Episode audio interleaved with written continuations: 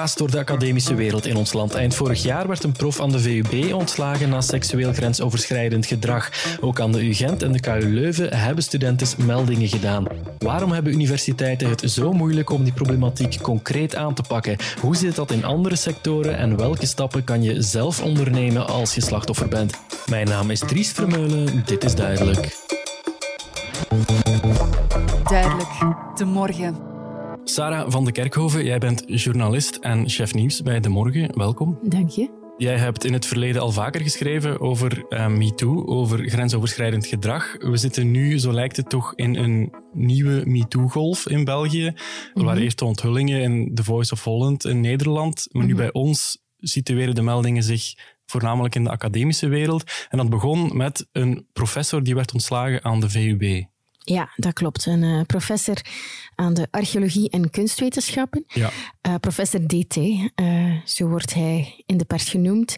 Um, dat is een zaak die zowat ontploft is op 27 en 28 januari.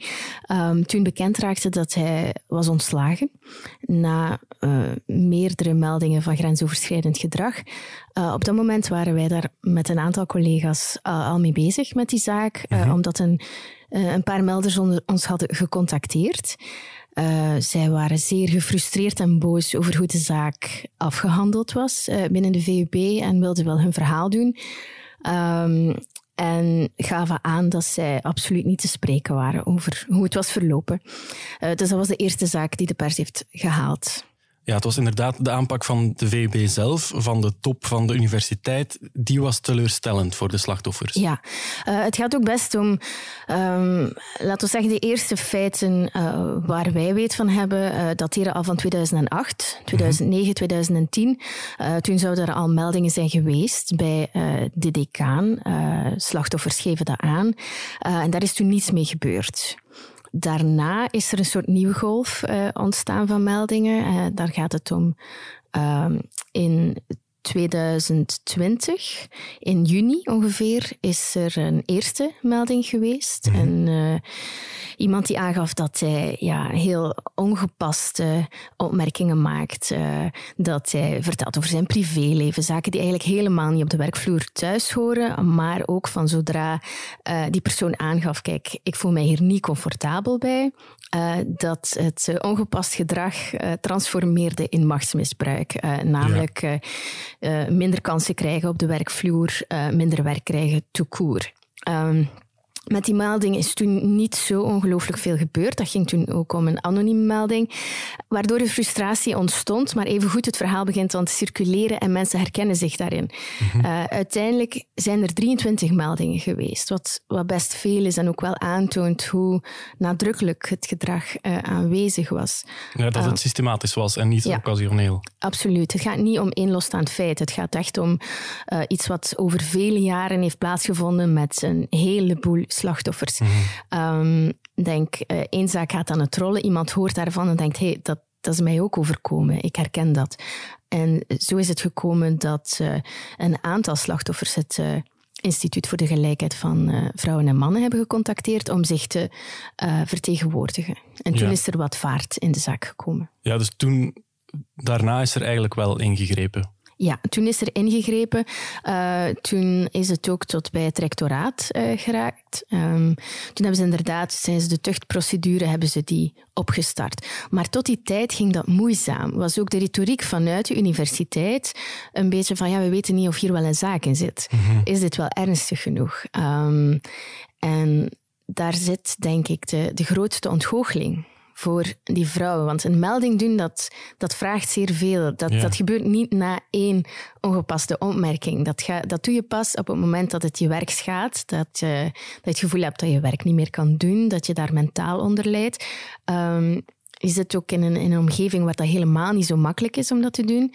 Dus eenmaal je die melding doet, ben je al een aantal drempels over. En als je dan het gevoel hebt van hier gebeurt niks mee, uh, dan zit daar de echte kwaadheid, denk ik. Die professor in dit geval is dan eind vorig jaar uiteindelijk wel ontslagen mm -hmm. bij de VUB. Um, ik las in onze krant dat de rector, Caroline Pauwels, expliciet aan de slachtoffers had gevraagd om hier verder over te zwijgen. Ja, dat klopt. Um, zij, uh, bon, de universiteit heeft een soort dading gesloten uh, met, de, met de professor in kwestie, uh, waarin afspraken, bon, wij kennen de details daar niet van, maar ik kan alleen maar vermoeden dat de professor ook een aantal zaken heeft moeten toezeggen of beloven. Ja. Maar een van de zaken waar duidelijkheid over is, is dat er een soort zwijgplicht. Uh, dus de, de, universiteit heeft zich ertoe verbonden om niet over de zaak te communiceren. Dus iedereen die daar werkt, valt uiteraard ook onder die zwijgplicht. En de rector heeft toen inderdaad aan een race slachtoffers aangegeven: het is niet de bedoeling dat dit bekend raakt. Die zwijgplicht, die, die um, neiging om die dingen binnenskamers te houden, mhm. dat lijkt ook wel een beetje een rode draad. Er zijn daarna nog gevallen bekend geworden uit uh, de UGent, uh, mm aan de KU Leuven ook. Mhm. We hebben zelf met de morgen ook een verhaal van Lucas School of Arts in Brussel uh, naar boven gespit. En eigenlijk komt dat altijd opnieuw terug. Het wordt stilgehouden. Ja, het wordt, het wordt stilgehouden. Er gebeurt niet zo ongelooflijk veel mee. Um, er is wat schroom om daar heel sterk op te ageren. Um, ergens. Ja, ik snap ook wel dat mensen hun instituut uh, proberen te beschermen. Het gaat ook over imago. Um, en het is ook niet zo evident hè, eh, als iets niet voor een, voor een rechter komt. In welke mate kun je communiceren? Ook daar snap ik enigszins wel dat de VUB niet per se een persbericht heeft uitgestuurd. Maar anderzijds uh, is het ook lastig als je weet dat een, dat een professor die ja, ernstige feiten van grensoverschrijdend gedrag heeft gepleegd, dat die ongestoord elders kan gaan solliciteren en misschien hetzelfde doen, mhm. Ehm, zonder dat de nieuwe werkgever daarvan op de hoogte is. Uh, dat was bij Lucas School of Arts hetzelfde. Ja, kan je misschien nog eens even uitleggen wat daar precies is gebeurd? Uh, ja, absoluut. Um, het, uh, het gaat dus om een, een docent die uit Kingston University College uh, kwam. En daar waren ernstige zaken van grensoverschrijdend gedrag vastgesteld. Uh, seksuele aanranding, seksuele intimidatie.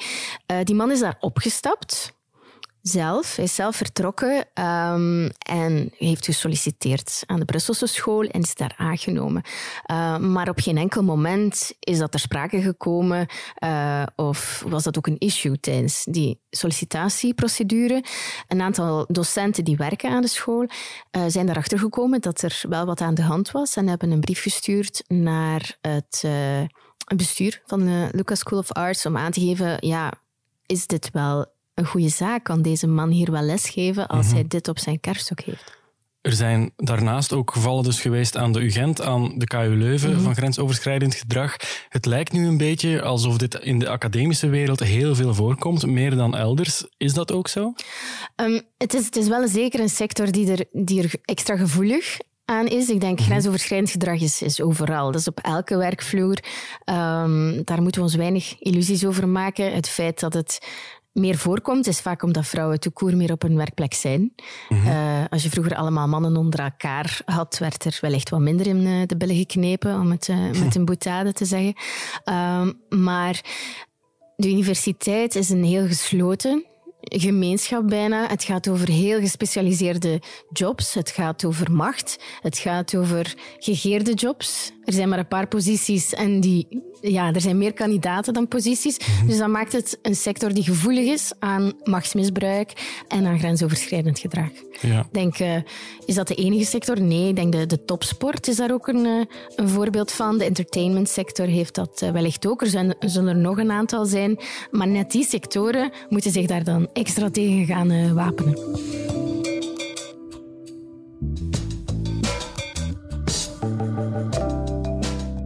Het probleem van grensoverschrijdend gedrag op de werkvloer beperkt zich dus inderdaad zeker niet tot de universiteiten. Uit een bevraging van preventiedienst IDW blijkt dat vorig jaar meer dan 7% van de werknemers in België recent te maken kreeg met ongewenst seksueel gedrag. Bij 6,5% ging het daarbij om gedrag binnen de eigen organisatie, dus bijvoorbeeld door een collega of een leidinggevende. Nu, dat gaat over zowel non-verbaal als verbaal gedrag als fysiek gedrag. Hè. Dus dat kan gaan van het uh, blikken, uitkleden met de ogen, uh, seksueel benaderd worden door gebaren, uitspraken, e-mails, foto's die doorgestuurd worden of ook fysieke aanrakingen. Dit is Hilde de Man. Zij is hoofd psychosociaal welzijn bij IDW en heeft daar ook de leiding over de preventieadviseurs. De meeste slachtoffers van seksueel grensoverschrijdend gedrag op de werkvloer zijn volgens de bevraging weinig verrassend jonge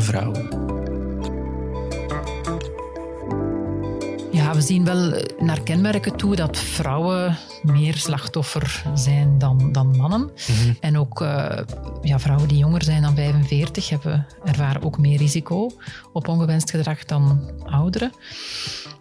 En dan zien we wel ook een, een, verschil in sectoren, maar daar moeten we natuurlijk voorzichtig in zijn, want het gaat over een bevraging in, in 2021. Ja. We zien daar in de transport en de industrie wel uh, duidelijker een, een hoger percentage van meldingen. En waarom precies in die sectoren? Ja, dat is, uh, kan je alleen maar een hypothese rondmaken. Hè, van, uh, het, het, is natuurlijk, zijn sectoren waarin dat er nog wat meer een mannenwereld is. Uh, want ook daar zien we dat vooral de vrouwen het meer rapporteren. Dus je kan dan ook zitten in een cultuur waarin dat er soms ook wat grenzelozer of wat meer, um, ja, ja, al gemakkelijker wat opmerkingen of plagerijen worden gedaan met een seksueel getinte connotatie. En dan um, ja, is het ook minder gemakkelijk om soms daar op je streep te gaan staan en te zeggen van ik, ik apprecieer dit niet. Hè. Dat is niet zo gemakkelijk om daar dan tegenin te gaan. We zien in organisaties met een meer hiërarchische cultuur en structuur en ook, ook wat, waar het er meer laaggescholden zijn, hè. Uh, zonder daarover uitspraak te doen waarom, maar daar zien we wel dat het uh, gemakkelijker voorkomt. Ja. Mhm. Ja, we hebben het eerder in deze podcast al voornamelijk gehad over de academische wereld. Daar zijn natuurlijk per definitie weinig laaggescholden, maar daar is wel die hiërarchische structuur. Is dat misschien een verklaring ook waarom daar het risico vrij groot is? Ja, daar heb je inderdaad die hiërarchische structuur, de, de afhankelijkheid die, die dan uh, studenten toch hebben, of doctoraatstudenten, om dan toch uh, hun carrière daarin te kunnen uitbouwen. Specifieke kenmerken zijn natuurlijk ook de iets minder formele omgangsvormen die je hebt in een bedrijf. Er wordt ook meer intensief soms samengewerkt uh, buiten de werkuren. Men gaat samen, op congres en ja, er, er, is een informelere cultuur, wat dat op zich aangenaam is om te werken, maar waar dat misschien het risico wel wat groter is om dan ja, toch ook wat over de grenzen te gaan. Ja, u zei daarnet zelf al, um, het gaat vaak om subtiele vormen. Het hoeft niet altijd fysiek te zijn, overschrijdend gedrag. Bijvoorbeeld iemand die zich vaak bekeken voelt of aangestaard voelt door een collega. Dat zijn inderdaad subtiele vormen die wel degelijk grensoverschrijdend zijn. Is het soms moeilijk voor slachtoffers om, om echt te beseffen van dat was eigenlijk over de grens? Ja, omdat je natuurlijk in een bepaalde context zit en, en dat als je, als je een bepaalde cultuur hebt waarin dat uh, zo'n seksueel getinte opmerkingen of, of blikken of grapjes gemaakt worden, dan duurt het langer dat je de vraag kan stellen van word ik nu specifiek in het vizier en sta ik nu in het vizier en, is, is het nu speciaal op mij gemunt? En dan wacht men misschien lang om, om een grens aan te geven en op dat moment aanvaarden de andere, aanvaardt misschien de andere betrokken partij het ook al niet meer, omdat je, omdat je ineens assertief wordt en dat, het, dat men het niet verwacht. Um, ik denk dat er een aantal principes zijn die je ook als slachtoffer kan voor ogen houden. Van, van een principe van, van is er wederzijdse toestemming? Als er onder elkaar gedrag is, is daar wederzijdse toestemming voor, maar ook is er een, vorm van vrijwilligheid. Kan ik nog vrijwillig daarop ingaan, al dan niet? Is er maar ook is er een vorm van gelijkwaardigheid. Dus inderdaad, tussen collega's onderling is nog iets anders dan, dan als, als, als uw eigen baas u benadert um, of uh, een, een, een aanbod doet in ruil voor iets anders. Ja, dat is, dat is niet meer vrijwillig en dat is ook geen gelijkwaardige relatie wederzijdse toestemming, vrijwilligheid, gelijkwaardigheid, de context ook waarin dat het gedrag zich voordoet. Is dat een abnormale context of is dat een, context waarin dat er hè, op een informeel feestje, ja, dan, dan is dat ook misschien anders te interpreteren. En ook de impact uh, speelt een rol, hè, van welke impact heeft het op mij. Maar dus ja, een aantal criteria kunnen, kunnen meespelen om dat voor jezelf te beoordelen. Maar het moeilijke is dat je als slachtoffer vaak eerst voor jezelf uh, men noemen dat overlevingsstrategieën hebt, mentale ontsnappingsstrategieën of mentale controlestrategieën, dat je, dat je eigenlijk er niet wilt aan denken en het gaan mhm. ontkennen en, u, en afleiding zoeken. Of dat je uh, controle wilt hebben op de situatie door verklaringen te zoeken van ah, het zal zijn omdat ik misschien een kort rokje aan heb of, of omdat ik uitdagend ben. En je zoekt verklaringen om, om op die manier eigenlijk jezelf niet als slachtoffer te moeten definiëren. Want ook dat is, een, is confronterend om te merken van oei, ik ben slachtoffer, ik, ik sta in het vizier en ja, waarom ik dan? Hè? Ja. Mhm. Dus dat duurt dan vaak langer, zelfs voor, voor het, soms het slachtoffer zelf, dan voor de omgeving, om eh, ja, te merken van hier, hier moet ik toch een grens gaan stellen.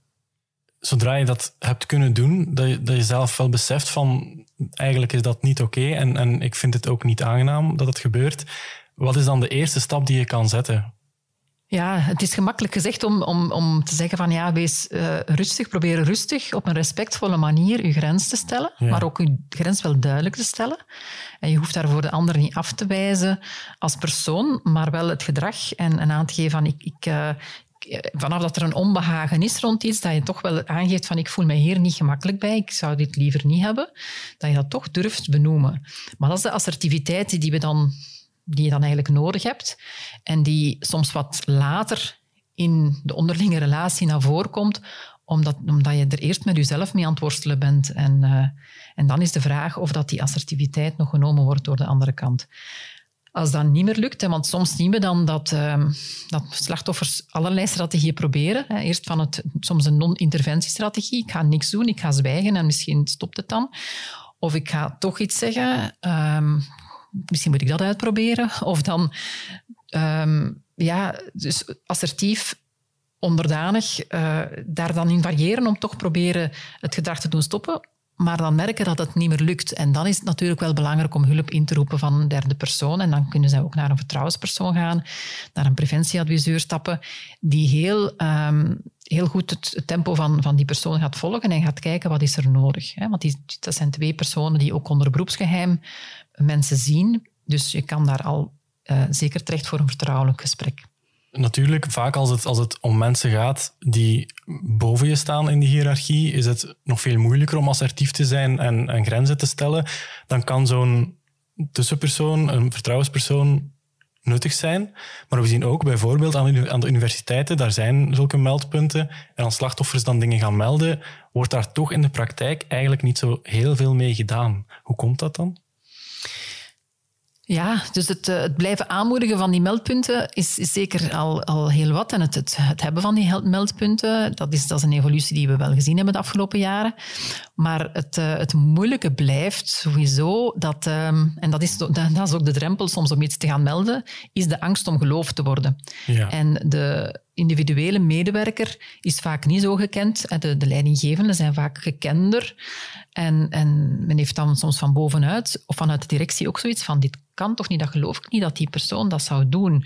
Dus ook daar zit vaak een proces van, van daarin dat doos serieus te, te nemen en te denken, ah ja, dit is toch wel zo ernstig dat we, dat we sancties moeten nemen. Nu, ehm, ook daar denken we wel, allee, zien we wel, dat dat is ook niet slecht om natuurlijk eerst herstelgericht te werken. En eh, de term herstelgericht is misschien wat, wat vreemd, omdat je dat niet zomaar kan herstellen als er zoiets gebeurd is. Maar wel eerst een kans te geven van dat het gedrag zou stoppen door de persoon in kwestie aan te spreken. Het zij door een vertrouwenspersoon, dat is dan heel discreet. Het zij in tweede instantie door de hogere hiërarchie.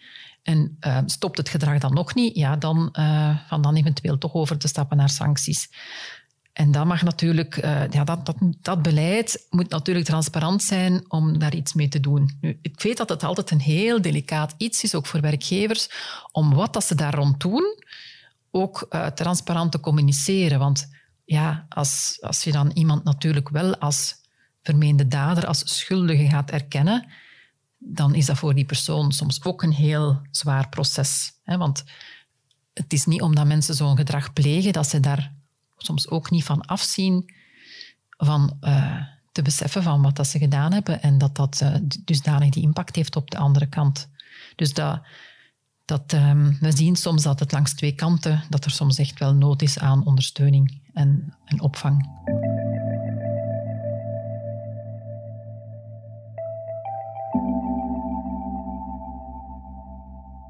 Aan de UGent is er het voorbeeld van een studente die in januari 2020 melding maakte van grensoverschrijdend gedrag door een assistent.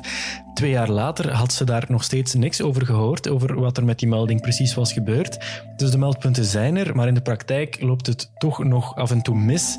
Minister van Onderwijs Ben Wijts die zei daarover bij VTM Nieuws het volgende. Het is zo dat de universiteiten en hogescholen die zijn enkele jaren geleden zijn die enkele engagementen aangegaan met betrekking tot grensoverschrijdend gedrag. Een engagement aangaan is één zaak, maar de concrete toepassing daarvan is iets anders. Vandaar dat ik hen ook gevraagd heb, verleden jaar eigenlijk al, om mij te rapporteren hoe de hogescholen en universiteiten effectief aan de slag gaan in de praktijk met die aanbevelingen. Ik krijg dat rapport volgende maand opgeleverd. Op grond daarvan kunnen we desgevallend ook extra maatregelen nemen.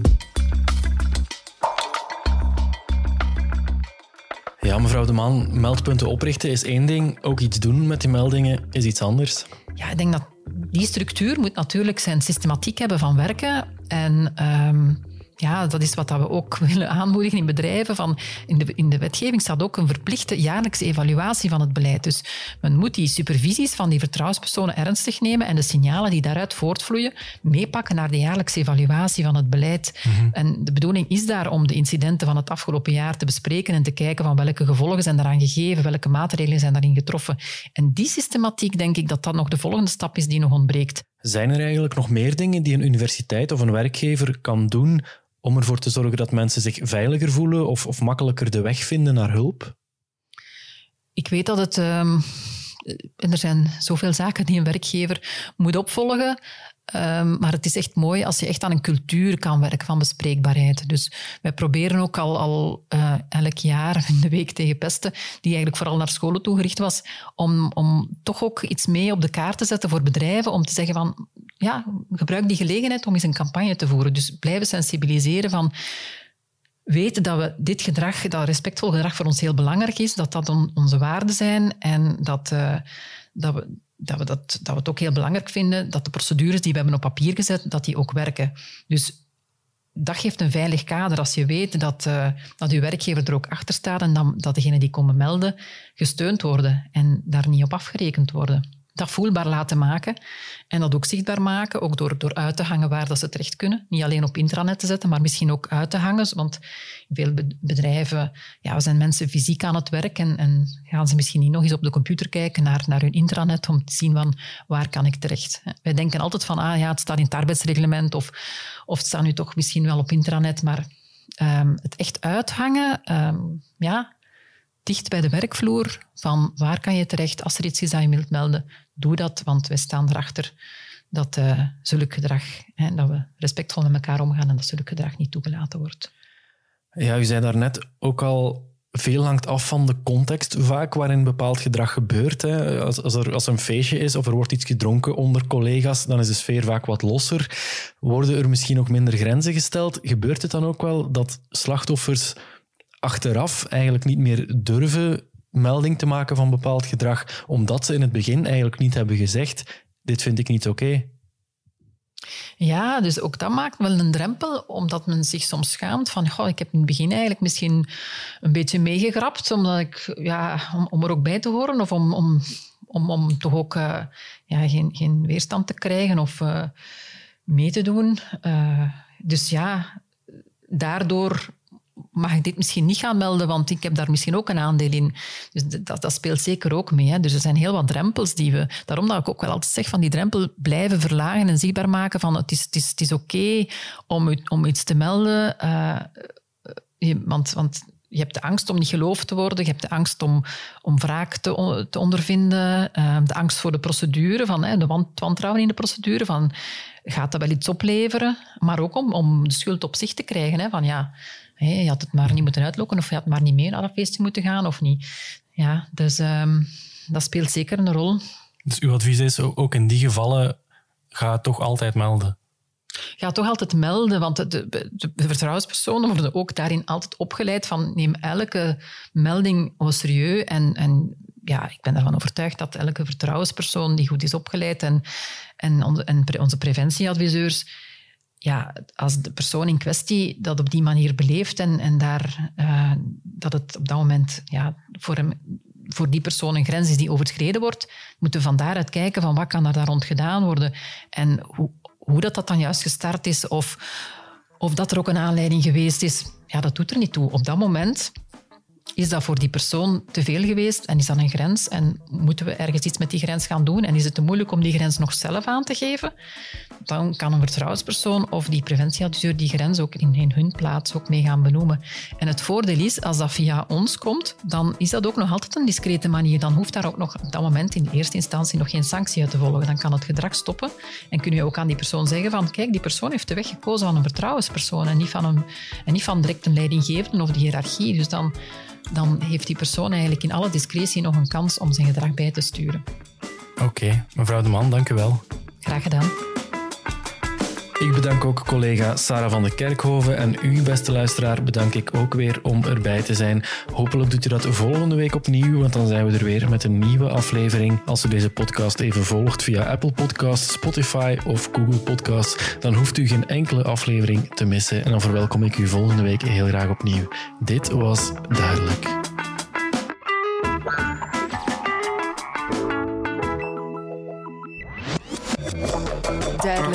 de morgen.